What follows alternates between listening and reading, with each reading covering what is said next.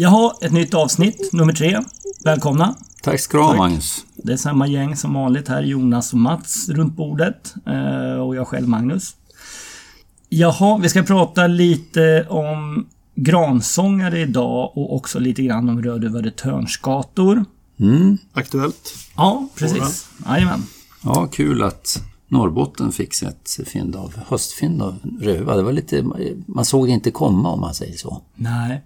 Men Rödöva Törnsgata har ju en liten historia tycker jag av att dyka upp på oväntade platser lite här och var. Äh, Det är ju det är mycket inlandsfynd, även på höstarna så finns det ju många sant. inlandsfynd. Eh, Jag kommer ihåg, de har ju, eh, ja, de har ju märkt fåglar till exempel i Dalarna. De har ju fångat Rödöva Törnsgata också vid eh, Rynningeviken vid Oset för några höstar sedan. Eller ja, ganska många höstar Ja, sedan. just det. det där Östgötlandsfyndet för några år sedan, var var Ja, det någonstans? det. Missjö eller vad det hette. Men det är Ja. inte det kust... Ja, det kanske det är. kustlandet? Det var likaså Hörnefors här om året. Det var ju sent fynd av en äldre fågel. Ja. Mm. Jaha, men ska vi börja eh, med våran vanliga runda kanske? Mats, har du varit med om något kul under veckan? Inte under den här veckan, men förra veckan så var jag ledig och skådade en del. Eh, Det roligaste då var en flygande, eh, förbiflygande dvärgsparv. Ja, just det. Ja. Nere Ja, på... skoj. På, nere på, längst ner vid Södra Vindskjulet. Jag vet inte om den kom insträckande eller om den varit ner rundat. Men eh, Nere vid Ottenby kanske nere vid Ottenby, ja. Precis. Eh, som tickade några gånger och eh, han ser bara att den var liten. Faktiskt man, man reagerar på att den var liten. Och sen han ropade till Bosse Karlsson att eh, han skulle plåta den där fågeln. Han lyckades få en bild så man kunde säkerställa arten. Och då är ju ett givet samtalsämne. Eh, vågar man plocka ticksparvar bara på ticket? Det här är ett... Det här har man ju pratat med många om. Ja. Eh, jag kan bara utgå från mig själv som hör för lite videsparv för att, jag kan inte det. Men det handlar nog mer om min, eh, att jag är så rostig på videsparv. Man hörde mycket när jag bodde i Uppland för länge sedan men nu, nu har man nästan flera ticksparvar de gånger man är i Kina eller Sibirien. Och där tycker jag att det är svårt. Den enda jag tycker sticker ut, där har jag inga videsparvar när jag har varit där. Men den enda som sticker ut där tycker jag är, är gråhuvad lite granna. Den mest gnissliga utav dem. precis. Ja, Spetsig och lite... det tycker jag med. Men det intressanta här kanske är framförallt vide och dvärg då. Ehm, för man, jag, jag har hört folk som säger att men jag hör skillnad. Jag vet inte, hör ni skillnad på dvärg och videsparv? Ja, det är grannlaga fråga och det, det, jag lider väl lite av samma problem som du Mats. Att jag, att, ja, det var, jag flyttade från Västerbotten 1997 och då var ju fortfarande visparr en väldigt vanlig fågel där på hösten. Det har ju blivit betydligt ovanligare, fast i år tycks ha varit ett bra år för, för just visparr. Och då, då pratade vi mycket om det här. Däremot så var det ju väldigt ovanligt då eh, och, är all, och fortfarande med dvärgsparr där på, på hösten. Så att någon sån här eh, jättemånga tillfällen med direkt eh, jämförelse hade jag inte. Men då så tyckte man ändå utifrån de erfarenheter man hade, i, mitt fall framförallt från Kina, eh, att det var lite annan karaktär på det. Dvärgsparv var lite mer åt stenknäckhållet och videsparv lite mer åt taltrasthållet om man nu ska få försöka separera dem. Men jag minns ett tillfälle när jag verkligen hade chansen att jämföra de där två arterna. Det var i samband med ringmärkning med fokus på videsparv. Det var Linus Andersson som, som på den tiden ringmärkte i en by eh, väster om Umeå som heter Skraversjö och det var så lite igenväxande eh, jordbruksmark och det var ju fantastiskt. Han hade ju faktiskt dagsringmärkningssummor där på över 100 videsparvar och det var en av de där toppdagarna som som jag var med och det var videsparvar överallt kring oss som tickade mest hela tiden och då fångade vi en dvärgsparv och tänkte att det här blir ett perfekt tillfälle att jämföra det här. Och så släppte vi då den här eh, dvärgsparven och det var alltså för mina öron fullständigt identiskt lockläte. Jag kunde inte höra någon som helst skillnad då live. Även fast jag då tycker mig ha, ha hört det eh, ja, i, alltså erfarenheten från andra ställen tycker mig att, att ha att det är en viss skillnad. Och jag vill bara fylla på den från Västerbotten så, jag vet inte om ni såg det på Facebook, eh, Lars Edenius la upp, eh, han hade ju en intressant erfarenhet här i höstas. Eh, han cyklade utanför Umeå och hade någon översträckande ticksparv som han hade reagerat på. Och eh, för han tyckte inte den lockade som videsparv som då var ändå har varit relativt vanlig nu i Umeå i höst. Och han lyckades spela in den där, för den, den vände och, och flög över honom.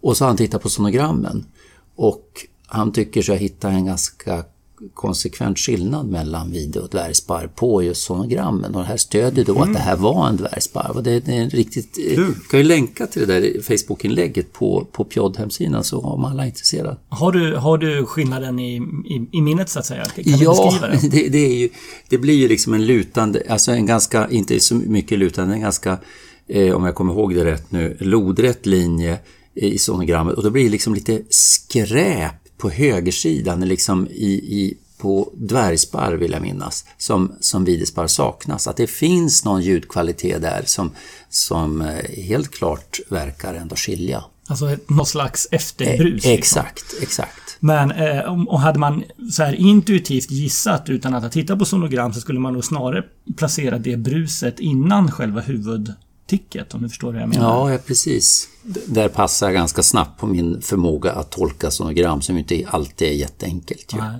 Nej visst är det så. Och framförallt med det här, den här linjen vid tickläten, den går ju över ganska mång, stort frekvensområde så att säga. Ja. Eh, jag har varit med om en liknande grej som du också Jonas. Jag har också hört båda två lockande samtidigt. Vid eh, Ormingerör, Ottenby, jag tror att det var hösten 2000. Eh, då satt en dvärgsparv och en videsparv vid samma toksnår. Och det lockade ifrån den busken. Båda fåglarna rörde näbben, och, och, men för mitt öra i alla fall så... eh, De triggar varandra eller? Ja, precis. Ja. Jag kunde inte skilja dem åt. Jag har hört samma historia från utsidan. Ja, sitter samma buske och triggar varandra och det går inte att höra skillnad. Men det är kanske att de påverkar varandra. Skojigt. Roligt att ni fick bild på den där också. Ja, Bosse, han var snabb. Ja, ja precis. Ja, jag, jag fick se bilden på hans eh, display. Den kanske ligger på Artportalen också Ja, den finns på Artportalen. Ja, ja det, det syns ju att det är en dvärgsparv. Mm. Jag tur det för dig Mats. Ja. Ja.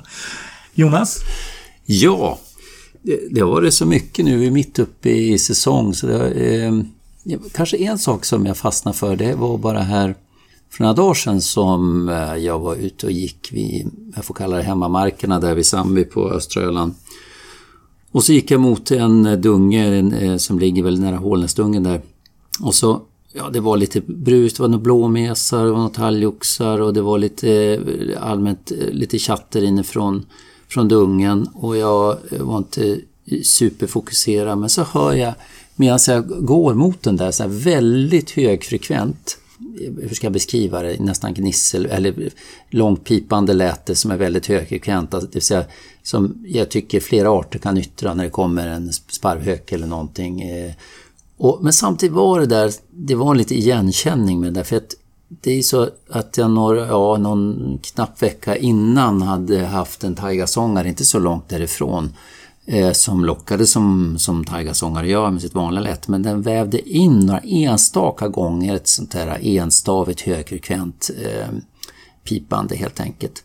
Och ett, när jag gick mot den här lilla dungen så tänkte jag att ja visst, det där skulle ju faktiskt kunna vara förenligt med en taigasångare. Och det var fint väder mitt på dagen ehm, och så sen så satt jag mig där i gräset och väntade på att fåglarna skulle komma ut där i. Det var lite lä och sol och kom ut ett par gransångar och det, det hände inte så mycket. Så kom jag på, eh, jag jag tagit en kopp kaffe där, så kom jag på, ja men du, det störde mig lite redan grann, det där högfrekventa lätet. Så jag eh, tog mig friheten att köra Taigasångarsång på min telefon. Och då var det som att det exploderade inifrån det där lilla täta buskaget. Och då, för då började den locka som vanligt Taigasångare. Så det var ju naturligtvis den som jag hörde.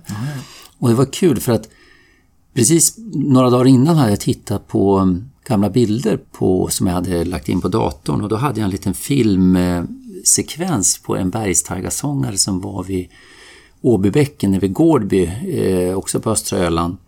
Och, som, och den lockade ju, eh, ja, jag ska säga, två av tre gånger så var det med ett sånt här högfrekvent gnisslande eh, högt pip som jag tror jag har inte jämfört de här side by side, men jag, jag, det är oerhört, svåra att skilja åt, ja. otroligt svåra att skilja tror jag. Men sen den här, den vävde ju in helt, helt normala bergstaigarlock hela tiden också, men den hela tiden återkom den med de här piparna. Och de där, eh, det var bara reflektion av att jag tror faktiskt inte man skulle ro i land och, och skilja dem där, men att, att det var kul den här gången att man ska nog vara lite beredd på de där På variationen. Va- Ja, och dels variationen och dels det här lite mer anonyma lätena från bägge arter. Att, att när man hör något sånt där pip, alltså ha lite tålamod och, och vänta ut dem så de börjar locka ordentligt.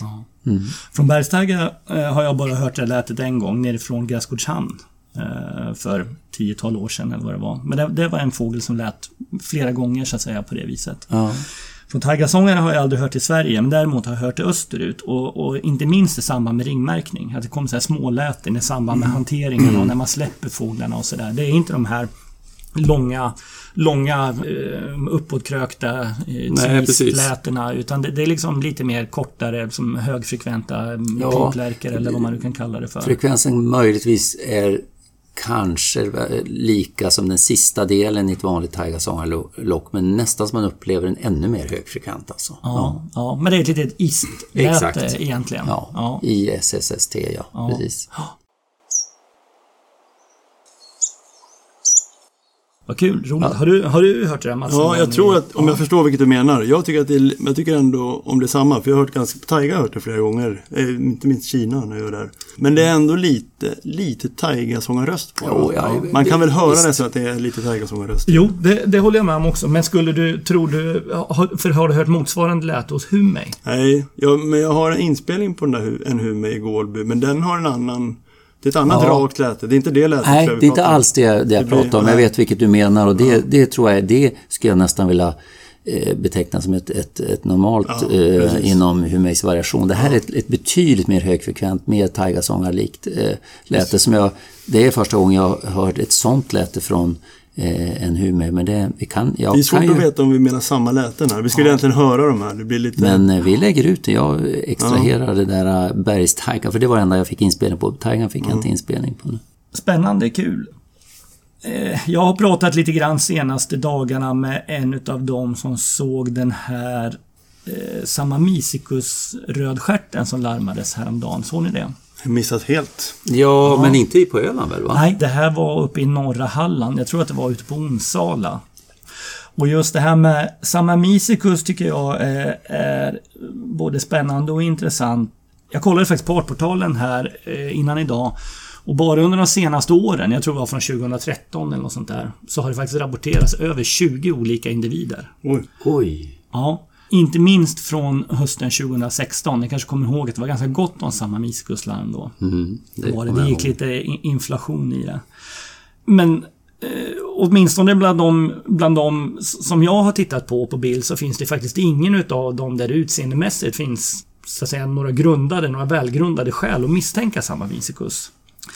Utan eh, det handlar om fåglar där man på foton och kanske i fält också ibland eh, upplever en lite extra ljus vingpanel. Mm. Och eh, ja, vad, vad, vad, vad, tänker ni om det Men, här? I och med att våra östliga rödstjärtar lockar som lite grann som tristis med mm. raka. Och det ska ju samma miskus också göra. Precis. Så att det var väl något år som vi faktiskt hade ganska många östliga rödstjärtar. Alltså mm. inte sammiskus utan sibiriska rödstjärtar. Och ja. då, då blev det ett litet virvar tror jag. Att folk rapporterade som samma miskus för att de lockade som mm. tristis. Men det var förmodligen östliga rödstjärtar. Ja. Jag tror vi, vi har haft två höstar med sådana ja. inflöden med ipande ja. rödstjärtar. Mm. Och det är, det är, precis som du säger Mats, att våran, våran egen rödstjärt, alltså nominatformen, den sträcker sig långt österut. Den, går, den når ju ända fram till Baikal. Mm. Gör den. Och någonstans, eh, någonstans hitom Ural, alltså i östra delen eller sydöstra delarna av Ryssland och österut så, så lockar de just i princip som tristisgransånger. De hipar. Även våra nominatrödstjärtar. Och det är ju det lätet som samma Misicus också använder sig utav.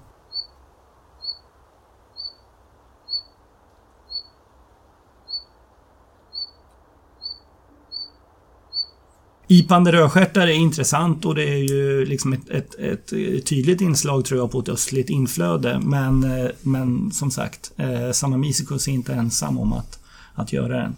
Verkligen. Annars så, de allra flesta bilder som har bifogats till de här Samamisikus-rapporterna ifrån de svenska höstarna här på slutet. Eh, de har faktiskt inte givit stöd till Samamisicus-bestämningen alls utan de har sett ut som vanliga... Jag tänker på en väldigt beskådad fågel vid Sandviks camping här om året. Det, den precis. var väl...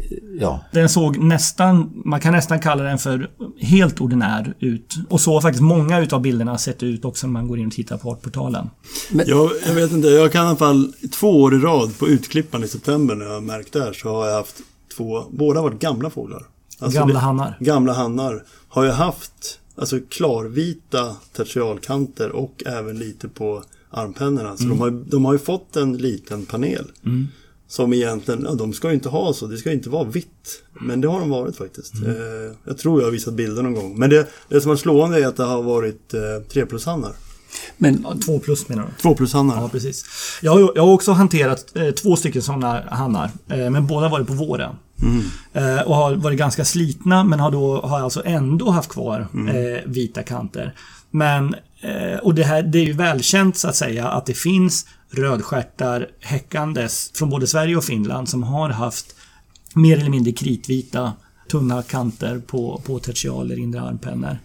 Är det inte Eh. så att engelsmännen har kallat det där på skoj nordiska eller svenska rödstjärtar? Vad är Ja, det? det är lite provokativt, men det stämmer. Jag kommer inte ihåg nu om det var i, i tryck till och med, eller om det har varit i såna här forumdiskussioner. Men jag har sett att de har refererat till Scandinavian Red Stars. Jag tror inte att man ska blanda ihop de här höstrapporterna eh, med de här intressanta gamla hannarna som har vita kanter på, på tertialerna. De, eh, det är ju uppenbarligen rätt ovanligt så att säga. Medan eh, våra egna eh, ungfåglar i fräscha höstdräkter så får de ju, så får de ju ljusa vingpaneler. De har, även de har ju så att säga eh, ljusa kanter på tertialer och på inre armpennor och så. Och, och, och de kan variera lite grann i intensitet. Ibland är de lite ljusare, ibland är de lite, lite mer bufffärgade. Men det är ju svårt att bestämma unga Samamicicus-hannar på hösten. Jag vet, tittar man på rödstjärtsbilder som är, är plåtade i Samamicicus-land så att säga, unga hannar, så de har ju inte alls de här eh, vita blafferna som, eh, som de gamla hannarna har. Eh, Skulle det gå ens? ja, åtminstone på, på, på tydliga unga hannar så går det nog. Om de har bytt tertialerna då? Eh, nej, inte det. Det går nog. Eh, många individer, inte alla, men många individer verkar som att det går även på juvenila tertialer. Basalt på tertialerna, på, på ytterfanskanten och basalt in mot kroppen, så att säga, så har många utav hannarna en liten, några millimeter lång vitaktig kant bara. Alltså den här buffkanten övergår i vitt in, innan de sticker in under större täckarna om man säger så. Så att de får ofta, eh, en del, de snygga hannarna så att säga, får en en, en liten, liten vit vingfläck där nere. Eh, men, men variationen är jättestor. Men, och du ser men den där vita vingen, alltså om, om du har juvenila tertialer på en, en hanne på hösten som har den där lilla vita basen, Ja, basalt. då börjar det bli intressant. Ja, Ja. Okej. Och det, det är dessutom så... Så här kan man säga att rödstjärtar generellt ruggar ju väldigt lite innan, innan, innan höstflyttningen. Alltså den postjuvenila ruggningen är ju inte särskilt omfattande. Det är oftast bara kanske två eller tre inre större täckare. Många gånger ser man inte ens den ruggningsgränsen för den ligger dold under skapularerna. Eh, och tertialer byts aldrig. Och eh, ja, men, men tittar man däremot på Samamicicus som är en sydligare form och har säkert lite mer tid på sig i sin häckningscykel. Så normalt sett så byter de mycket mer än så. De har oftast hunnit halvvägs ut i vingen eller kanske till och med ännu mer. Så att man ser en, en fem, sex bytta eh, större täckare hos dem. Eh, det är ju inget som du kan eh, så att säga, luta en, hela bestämningen på men det är nog ändå indikation så att säga på, på rastillhörigheten. Men faktum kvarstår ju att vi har ju inte en enda godkänd Samamicicus ifrån svensk mark. Det fanns tre gamla godkända fynd som... eh, Fyra till och med va? Fyra kanske, Ja, ja, som mm. sänktes i en omgranskning. eh, för Ja. 15 år sedan eller något. Men det vi borde ju kunna få. Jag menar, får vi. Niloticus rödhuvud och törnskator så borde vi kunna få Samamicicus rödstjärtar. Ja, absolut. De häckar ju en ganska bra bit upp i Ukraina. Mm. Gör de. Så att så himla långt är det inte.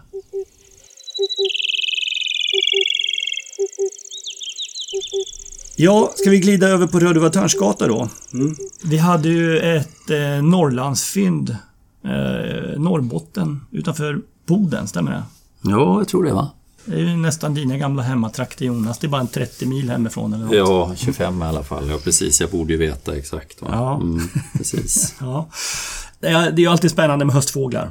Snygga juvenila saker. De är alltid intressanta så att säga givet den, eh, den taxonomiska situationen. Vi har ju tre olika former som alla kan vara aktuella för, för svenskt uppträdande. Större delen utav Sydeuropa så har vi ju nominatformen senator. Ute på de stora öarna i, västra, i västra Medelhavet så har vi Badius. Och sen i eh, eh, Mellanöstern egentligen kan man säga, söder om Svarta och, och Kaspiska havet så har vi den sydostliga formen Niloticus också. Eh, har ni hunnit kolla på bilderna på eh, Norrbottenfågeln? Ja, Ja, ja i telefonen. ja, samma här. Jag har inte gjort någon närmare studie, men man slogs över hur eh, fantastiskt eh, snygg den var. Ja. En av de så att säga, skiljande karaktärerna åt, eller en av de grejer som, som skiljer ut Niloticus, kanske man ska säga, är ju att de generellt sett eh, hinner längre i, i sin postjuvenila ruggning innan de inleder höstflyttningen. Och eh, de flesta, de flesta ungfåglar har ju bytt om inte hela så åtminstone större delen utav kroppen och har även eh, ofta hunnit en, en bit ut i vingen, alltså äv- även täckare. Ofta Ehm, absolut oftast mellersta täckarraden, mindre mellersta täckarna och hos många fåglar så har de även bytt ett antal större täckare. Om jag minns rätt här så hade den ju inte bytt några större täckare. Det ser ut som en juvenil större täckarrad.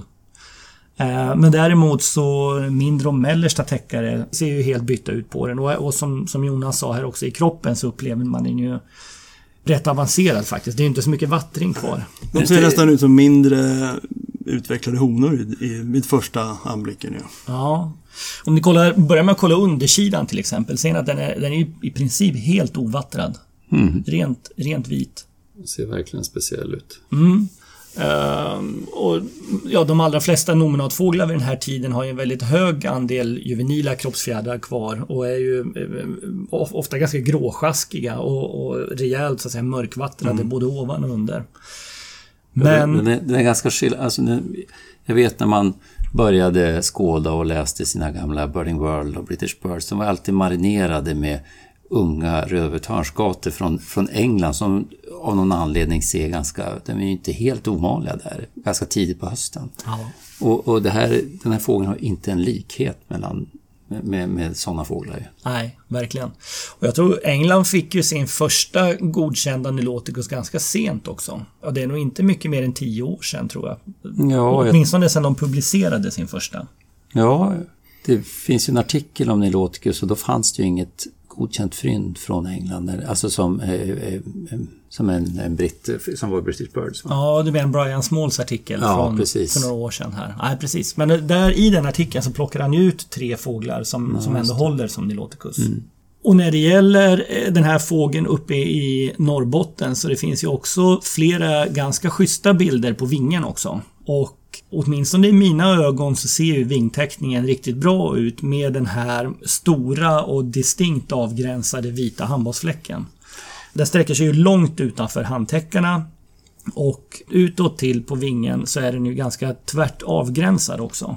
Den fortsätter ju inte att stråla ut eh, med ljusa ytterfanskanter på handpennorna. Nej, precis. Om vi däremot tar en titt på en fågel här ifrån 2010 ifrån eh, Bykärn i Ångermanland. Jag lägger ut en länk på den på Facebook-sidan här också så att lyssnarna kan titta på den. Så här ser den ut, Jonas och Mats. Mm. Den där kommer jag ihåg mycket väl. Det var mycket diskussioner kring den. Ja, På kom- ekonomkommittén. Ja, precis. För här har vi också en fågel som skiljer ut sig från vår gängse bild utav eh, unga nominatfåglar. De här mörka, grådaskiga, vattrade sakerna som du nämnde från England här Jonas. Ja, precis. Den var Eh. riktigt fin den här. Ja, den är ju fin. Och- Och här har vi också en kropp som är ganska avancerad. Ja, verkligen. Eh, Det är inte mycket juvenilt kvar i den kroppen heller. Däremot så verkar den ju inte ha bytt några täckare i princip alls. Nej. Mellersta täckarraden är ju helt juvenil och det finns inga, inga postjuvenila större täckare i vingen heller. Och även om eh, handbollsfläcken ser ut att vara extremt stor på den här fågeln så eh, här har vi faktiskt en sån individ där handbollsfläcken blöder ut längs med de, de, de ljusa eh, handpennekanterna. Det var det jag kommer ihåg man lärde sig på den här. När han började granska ganska många foton. Att Just med en vinge som inte hänger ut så kan det bli väldigt tydligt när han, den, den flyter ut långt och det är nästan talar snarare för att det är en senator. ja. Men när vingen Precis. väl hänger ut sen ser man att den är ganska begränsad, den, den här distinkta, riktiga handbollsfläcken. Ja, Och minns jag rätt så, eh, så tror jag också vi kallade den här för Senator när vi väl publicerade den sen också. Kanske som obestämd. Jag minns inte. För jag tror fortfarande inte det finns någon publicerad senator. Oj då, nej okej. Ja. Jaha. Jag kan återkomma till det. Jag Ja. tror att det är Jag så. har lite att göra där då. ja. Men, men det, som, det hade varit roligt att se den där Ångermanlandsfågeln med någon flyktbild med en utbredd vinge. För att se hur den där vingfläcken ter sig när den har... Jag tror tyvärr inte att det, att det fanns någon sån. Jag undrar om inte den här med där vingen hänger lite grann, om det var den som visade mest ändå. Mm. Men det är just det att, att ehm, på, på en ihoplagd vinge på juvenila senator så får man just den här effekten att handbollsfläcken kan se långt mycket större ut än vad den egentligen är. Enbart på grund av att ytterfanen på vingen vitnar så att säga och, och, och strålar ut. Och, och precis som Mats sa här, själva strålningseffekten i sig talar för senator. Ja. Så den här bedömningen utav handbollsfläckens storlek, den ska ju snarare göras på innerfanen när man pratar om juvenila fjädrar. Men en annan grej som är intressant tycker jag med Niloticus nu, för nu har vi en del fynd. Om man tittar på att vi, att vi överhuvudtaget har fynd är ju ganska läckert med tanke på att de häckar upp till Kaukasus. Det är ganska begränsat. Det är inte så att det är jättestort utbredningsområde. Det kan inte vara någon jättepopulation.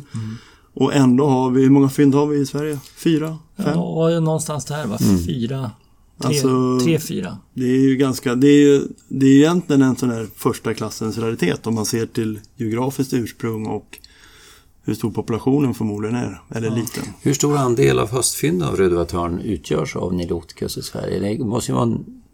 Så här, bara maggropskänslan säger ju att det är några tiotals procent. Ja, jag menar det. Men varför har vi inte lika många masktörnskator? Vi skulle nästan borde, vi borde nästan lika my- mycket masktörn som vi har Niloticus. Ja. Mm. Ja. ja. Ja, varför har vi inte det? Nej. Eh, ja, och nu har vi nästan glömt bort Badius i det här också. Badius eh, hör ju som sagt hemma i de västra delarna utav Medelhavet och man kanske kan misstänka att i den mån vi berörs av uppträdandet utav Badius så är det kanske snarare vår, vårtiden än höstetid. Skulle man kunna tänka sig. Men vad jag känner till så finns fortfarande bara ett godkänt fynd, eller hur? Jag tror det. Ifrån Kogrund. Kogrundet, Harg, andra halvan av 90-talet någon gång. Majfågel. Jag tycker att själva historien bakom bestämningen utav Badius är lite spännande. För jag, jag, jag växte upp med böcker som, som skrev att eh, Badius saknar handbollsfläck. Men eh, notera att eh, det verkar även eh, vissa senator kunna göra också. Och jag tror att de uppgifterna tror jag går tillbaka till BVP. För BVP hänvisar till insamlade fåglar ifrån Nordafrika som, eh, alltså senatorområden, som saknar handbollsfläck. Men jag pratade om eh, det här med eh, Brian Small för ett antal år sedan. I sam- ja, det var nog i samband kanske med, med hargfågeln där. Och det har ju visat sig att, eh, för de fåglarna finns på Tring, de som saknar handbollsfläcken. Eh, och det visar sig att allihopa eh, av de individerna därifrån Nordafrika, jag tror att det är tre stycken om jag minns rätt, eh, de är ju insamlade under Badius sträcktid genom området. Sen känner jag inte till om de har eh, sekvenserat dem eller så, men, men den gängse uppfattningen idag i alla fall att de här tre problematiska individerna som ställde till det för några decennier sedan, man har generellt sett ändrat uppfattning om dem och anser att det är nog bara genomflyttande Badius. Och i och med det så hamnar man egentligen i en situation där det hela inte blir så väldigt svårt egentligen. Därför att Badius Oavsett ålder egentligen så saknar den handbollsfläck helt eller uppvisar bara några millimeter smal handbollsfläck utanför handtäckarna. Och även de mest extrema fåglarna har inte en handbollsfläck som når utanför handtäckarna i sådana fall utan någonstans från knappt synlig till eh, som maximalt ut mot handtäckartopparna, inte, inte mer än så. Så den, den, den sitter lugnt. Eh, Hargfågeln där ja. ja. det gör den. Eh, sen så ska man ju komma ihåg också att det är rätt vanligt, har jag sett när man tittar runt bland bilder på Rödövatörnsgata, att många fåglar ser svartvingade ut. Men eh, det är en effekt som bildas av att när fågeln sitter med hopvikt vinge så trillar armpennepaketet trillar ner lite grann och skymmer många gånger handbollsfläcken. Så att man ska akta sig för att dra på för stora växlar på, på enstaka bilder. Men om man har däremot så att säga, en, en fågel med en konstaterad avsaknad av en handbasfläck då har man, har man gott skäl så att säga att misstänka att man har, att man har en badius framför sig. Och sen precis som Niloticus så finns lite andra saker att titta på också. De har ju lite grövre näbb och, och eh, lite tunnare svart panna och, och sådana saker. Men det är, jag tycker att det är spännande vad, vad enstaka individer, eller vad tolkningen av enstaka individer kan göra för uppfattningen om hela komplex, så att säga. Och bromsa en, en egentligen en ganska eh, intuitiv kunskap som man, man kan ha så är det de här som ställer till det och då har man fel uppfattning i 50 år. Just det. Eller 100 år. Ja, Ja. precis. Ja. Så sammanfattningsvis badljus, ingen vingfläck med handbollsfläck. Då, är det, det, ja, i korta ordalag. mm, Stämmer bra. Det var ju lätt. precis. jag minns du lobbade, jag kommer ihåg det, du lobbade väldigt hårt när den där sågs vet jag. På brevduvan på sin tid tror jag det var. Ja, Ja. Magnus såg den ju. Jo, jag vet. Jag såg den också. Och den hade jättetunn, man kunde faktiskt uppfatta vitt. Ja, Lite vitt kunde man uppfatta. en, en, en skugga av Ja, vitt, strimma ja. liksom. Men, men, men det, det stärker å andra sidan, tycker jag, Ja. badljustanken. Därför att det bevisar också att det inte fanns några skymmande fjädrar. Nej. Och de enda bilder som finns där man kan ana det här, det är flyktbilder. Eh, därifrån. Och det ser man. Och just, just i nedslaget så ser man ofta lite mer. Och jag tror att det är för, att- för att handtäckarna reser sig en liten, en liten aning. Det, det har jag sett på flera rödvörtörnsgator.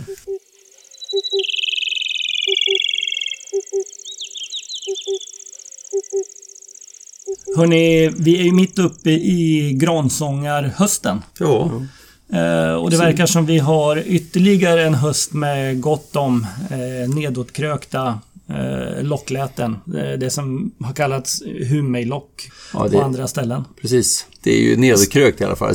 Svio säger de ju i England. Svio-lockare. Ja, ska vi säga Chilou-lockare Ja, något. Det var ju till och med en hemsida som bildades där någon gång 98 när det första riktiga chily.com.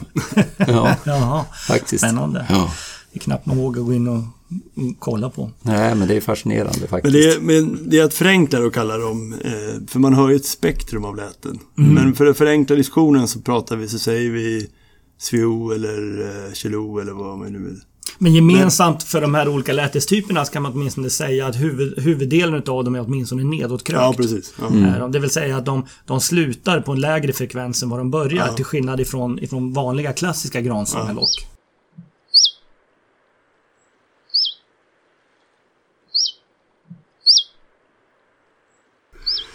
man blir ändå lite fascinerad varje höst eh, när det kommer en sån här eh, en, en, höst när alla gransångare plötsligt, inte alla men en stor andel lockar på det här sättet. Och ehm, det tycks ju gå i lite cykler det här. Verkligen. Eh, till att börja med, när minns ni att ni hörde nedåtkrökta gransångare för första gången? Jag vet precis. Jag vet också precis. Den Vars, första- Varsågod och svara. Den första jag hörde, det var, det var faktiskt efter att jag hade fått kläm på hur Humei lockar. Då började mitt öra, då, då började jag fatta hur jag skulle analysera läten. Alltså det var, jag kunde, alltså jag var inte där rent eh, i min... eh, Mognadsmässigt. Mognadsmässigt. Så det var Jag hade precis strax innan puberteten. Strax innan puberteten. Så, så, och, eh, så egentligen, jag kan inte säga att de här lätena inte fanns innan 99. För det var 99 tror jag som jag hörde första gången. Eh, Ja, jag vet, jag hade min första fågel på, på Holmeby, eh, oktober 98. En fågel. Sen så liksom sprakade det loss eh, på Öland hösten 99. Då, då man hörde eh, jättemånga. Det var i samma, i slutet av 90-talet, det var då jag hörde också för första gången. Men har, har ni hört uppgifter från andra, från folk som har hängt med längre än vad vi har gjort så att säga? jag har ställt Ja. frågan faktiskt, men jag har inte fått några tydliga svar.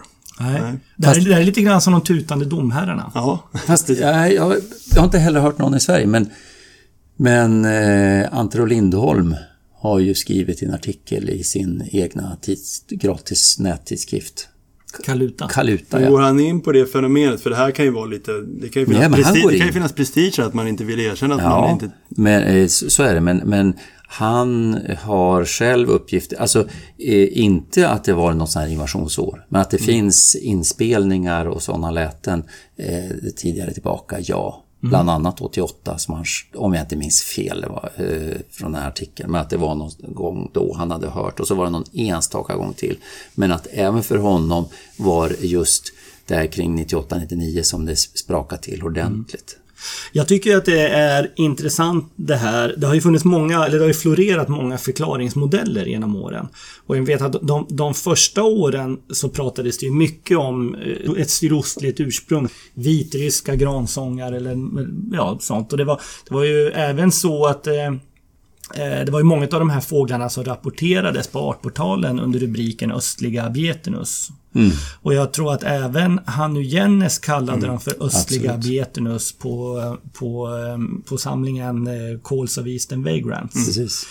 Men... Nu vet vi bättre. Ja, nu vet vi ju faktiskt bättre. Det är nog ganska mycket som, som, eh, som talar för att de faktiskt inte alls har något östligt ursprung. Att de kanske inte ens har ett gemensamt ursprung. Det här lätet kan ju ibland dyka upp väldigt tidigt på säsongen och i vitt skilda delar utav landet. Ja, och det, det jag har förstått är att, att engelsmän och de från Centraleuropa, de det här för dem är ett, ett eh, juvenilt, juvenilt läte mm, mitt ja. i sommaren. Man hör från mm. nyligen kläckta eh, gransångare och eh, hon pratar också om de juvenila fåglarnas större plasticitet och mer omognad i sitt läte på något vis. Ja. Och, och, så är det säkert att det här är ett juvenilt läte men någonstans händer ju någonting när det här då pågår under en hel höst och mm. efterföljande vår. För det är oftast kopplat att när det nu har varit de här stora Sweo-invasionerna där kring 99-00 och eh, var det typ 2011, 2012 eller något sånt där så var det också väldigt mycket. Och då håller det i till nästa vår och det, det är ett par år sedan så lugnar det sig och så kommer det tillbaks igen. Ja. Det är oerhört fascinerande. Det där, eh, ja, vad det beror på vet jag inte om man, man helt kan förklara men att, att grunden är i någon slags juvenilt eh, läte, det tror jag eh, ändå man kan anta.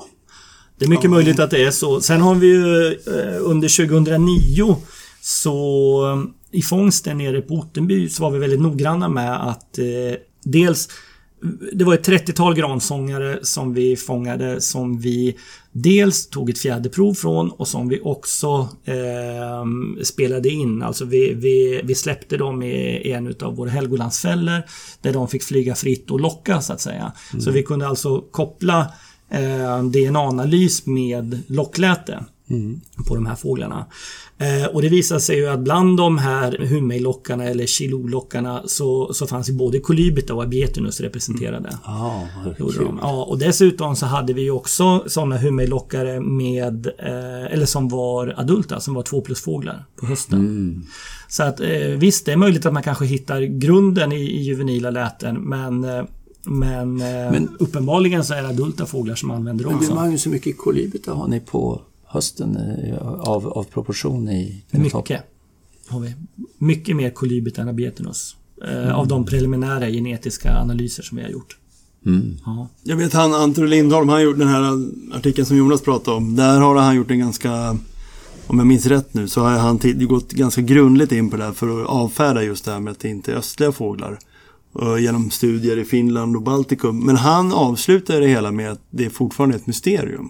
Ja. Alltså han vill, inte, han vill egentligen inte säga vad va? Nej, han, han sa det här, det går... Jag kommer också ihåg att han, han det, det, vi vet fortfarande inte för att han, Konstantin i, i, i Sound Approach, han tycker ju att det här, det här är ju någonstans så är det förmodligen eh, ett år med väldigt hög häckningsframgång. Säg att du får stora kullar med fåglar så blir det liksom så mycket juvenila läten att alla påverkar varandra på något vis. Att det här blir det då dominerande lätet den säsongen och så håller det i sig ett par år. Men han har ju försökt korrelera de här SWIO-åren med eh, alltså data på deras eh, i Finland och i Estland. Alltså hur häckningsframgångarna var. Och det fanns ingen korrelation mm, menar han okay. på det. Mm, och samtidigt så tror jag att, eh, och han menar ju också att, att de här i och med att det är en betydligt vanligare häckfågel i Estland än i Finland eh, så, så föregår ofta de här eh, SWIO-epidemierna någon säsong tidigare i Estland. Sen så, så blir det liksom vanligare i Finland mm. året efteråt. Ja. Mm. Jag gillar att du säger SWIO-epidemierna, du är fullkomligt miljöskadad.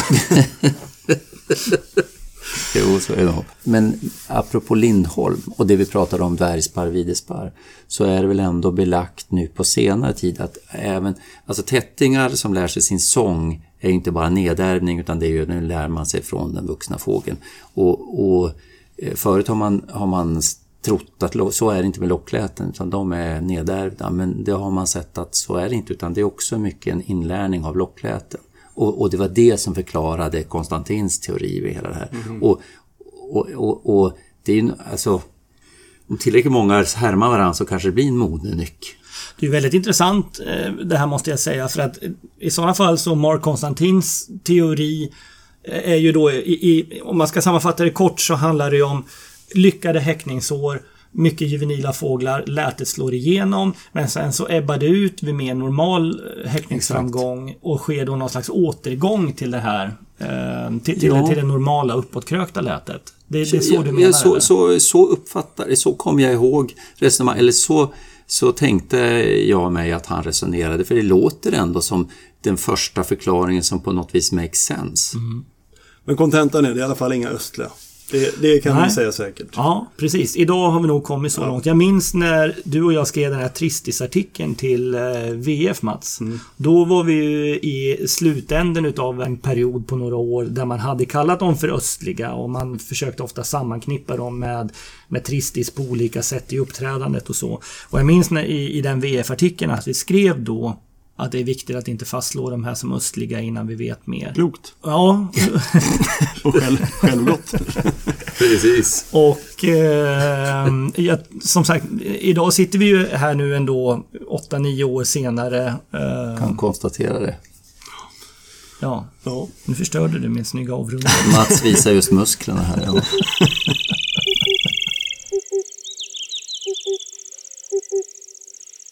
Jaha, Mats. Vad har du inte kunnat släppa sen sist? Jag kan väl nämna den här skri mindre skrikhörnen som har varit på Öland i september. Mm. Som eh, vi, det har inte varit så mycket diskussioner tror jag på Facebook eller någon annanstans. Men vi har ju pratat om den. För den, jag reagerade för att jag tyckte den var lite mörk och eh, att den har lite dåliga kilafläck och gronäbbad. Och eh, Ja, sen är man väl, man är väl lite färgad då. Man, man, så fort man ser en, någonting som är mindre skrikörn så börjar man ju leta efter hybridkaraktärer i, i och med att vi vet att det är så frekvent hybridisering av större och mindre skrikörn i Baltikum bland annat. Så att eh, då är man ju, vill man ju nästan hitta hybriddrag. Så att man kanske färgas av det. Men den Mats, jag tror inte alltså, den strategin delas kanske inte av alla nej, Sveriges skådare. det är nog många som försöker undvika att ja. hitta hybriddrag. jag la ganska mycket tid. Till slut fick jag se den här fågeln i alla fall och jag har tittat på ganska mycket foton och sådär. Och den, eh, det är ju det är ju en mindre skrikörn säkert eh, såklart. Men eh, det är någonting som, eh, men det handlar kanske mer om att jag inte är tillräckligt kalibrerad på variationen hos mindre skrikörn. Mm. Men eh, jag vet inte, jag kan inte släppa det riktigt. Att jag kan inte, och det kanske man aldrig kommer kunna veta om, om farfars far är en större eller vad som helst. Men eh, jag tycker inte, och jag tycker inte att Egentligen tycker jag inte vi ska krångla till det i onödan. Det här får ju stanna i min, mina egna tankar. Jag tycker, mm. ser det, ser det okej okay ut som är mindre, okej okay, lite mörk och någonting. Men man måste hitta hårda karaktärer som pekar på hybrid för att börja dra hybridkortet. Mm. Ja, Jonas, vad har du inte kunnat släppa? Ja, vad jag inte kunnat släppa? Ja, det är väl just det här oförutsägbara med skådning. Ja, eh, och, och, lite grann ju äldre man blir desto mer får man sina darlings inom skåderiet och för mig är det väl egentligen alltid roligast med när det sträcker. Och eh, Prutgäss eh, ligger mig väldigt varmt om hjärtat. Och i år har det varit så jäsiken svårt att förutsäga det här. Det har ju legat på en infernalisk västvind i princip under två veckor under prime sträcktid för mm. prutgås. Och den morgonen som jag tänkte att ja, det här är utsiktslöst för att överhuvudtaget ge sig ut och skåda. Det skulle blåsa någonstans uppåt 17-18 meter per sekund i byarna väst, hårdväst. Då var det proppen ur mm. för prutgås. Mm. Och, och, ni räknade någonstans eh, drygt 10 000 under ett par timmar där i, i Ottenby va? Ja, precis. Det var nog lite mer än, än ett par timmar. Men det var väl fram till halv tio eller något sånt där på förmiddagen hade det gått eh, åtminstone 10 000 prutgäss. Mm. Och, och de, det var inga distansobsar heller. De gick fantastiskt fint. Ja. De, de följde kustlinjen ordentligt. All, all, I princip alla flockar gick på Nigrikans eh, Ja, och så- och i fint, fint ljus. Och, Först jag har märkt att de har gjort här hela, för det har ju bara blåst västvind och fåglarna f- måste ju förbi va, men att prutgässen är ju tacksamma för de slickar kusten betydligt mer än vad till exempel sjöorrarna och ejdrarna gör i den här typen av väder. Sammanfattningsvis, det är, det är bara så vansinnigt svårt att förutsäga när, i under sådär väder, när det ska bli bra eller inte. Det går nästan inte. nej. Och i viss mån så eh, gäller ju det även vitkinnade gässen. Det var ju som här i söndags eller vad det var när, när det hade varit i princip tvärdött under, under morgon och förmiddag och sen vid lunchtid smällde det till och sen passerade 200 000 vitkinnade gäss på några timmar. Ja, det var som jag sa, det var bibliskt. Ja. ja. ja, själv har jag inte kunnat släppa tankarna kring det här eh, häckningsåret 2018 egentligen. Jag, jag, jag begriper inte på mig helt enkelt. Ganska tidigt så pratades det eh, från flera olika håll runt om i landet om, om väldigt goda häckningsframgångar. Det snackades om eh, att det var mycket fågel i Eh, nere i södra Sverige, det pratades om att det var mycket fågel i mellersta Sverige, det pratades ifrån Norrland, eh, ifrån Ångermanland. Thomas Birkö var det pratade med som sa att eh, han aldrig har sett så mycket fågel någon gång i, i augusti i de eh, norrländska skogarna, eller ångermanländska skogarna ska jag säga.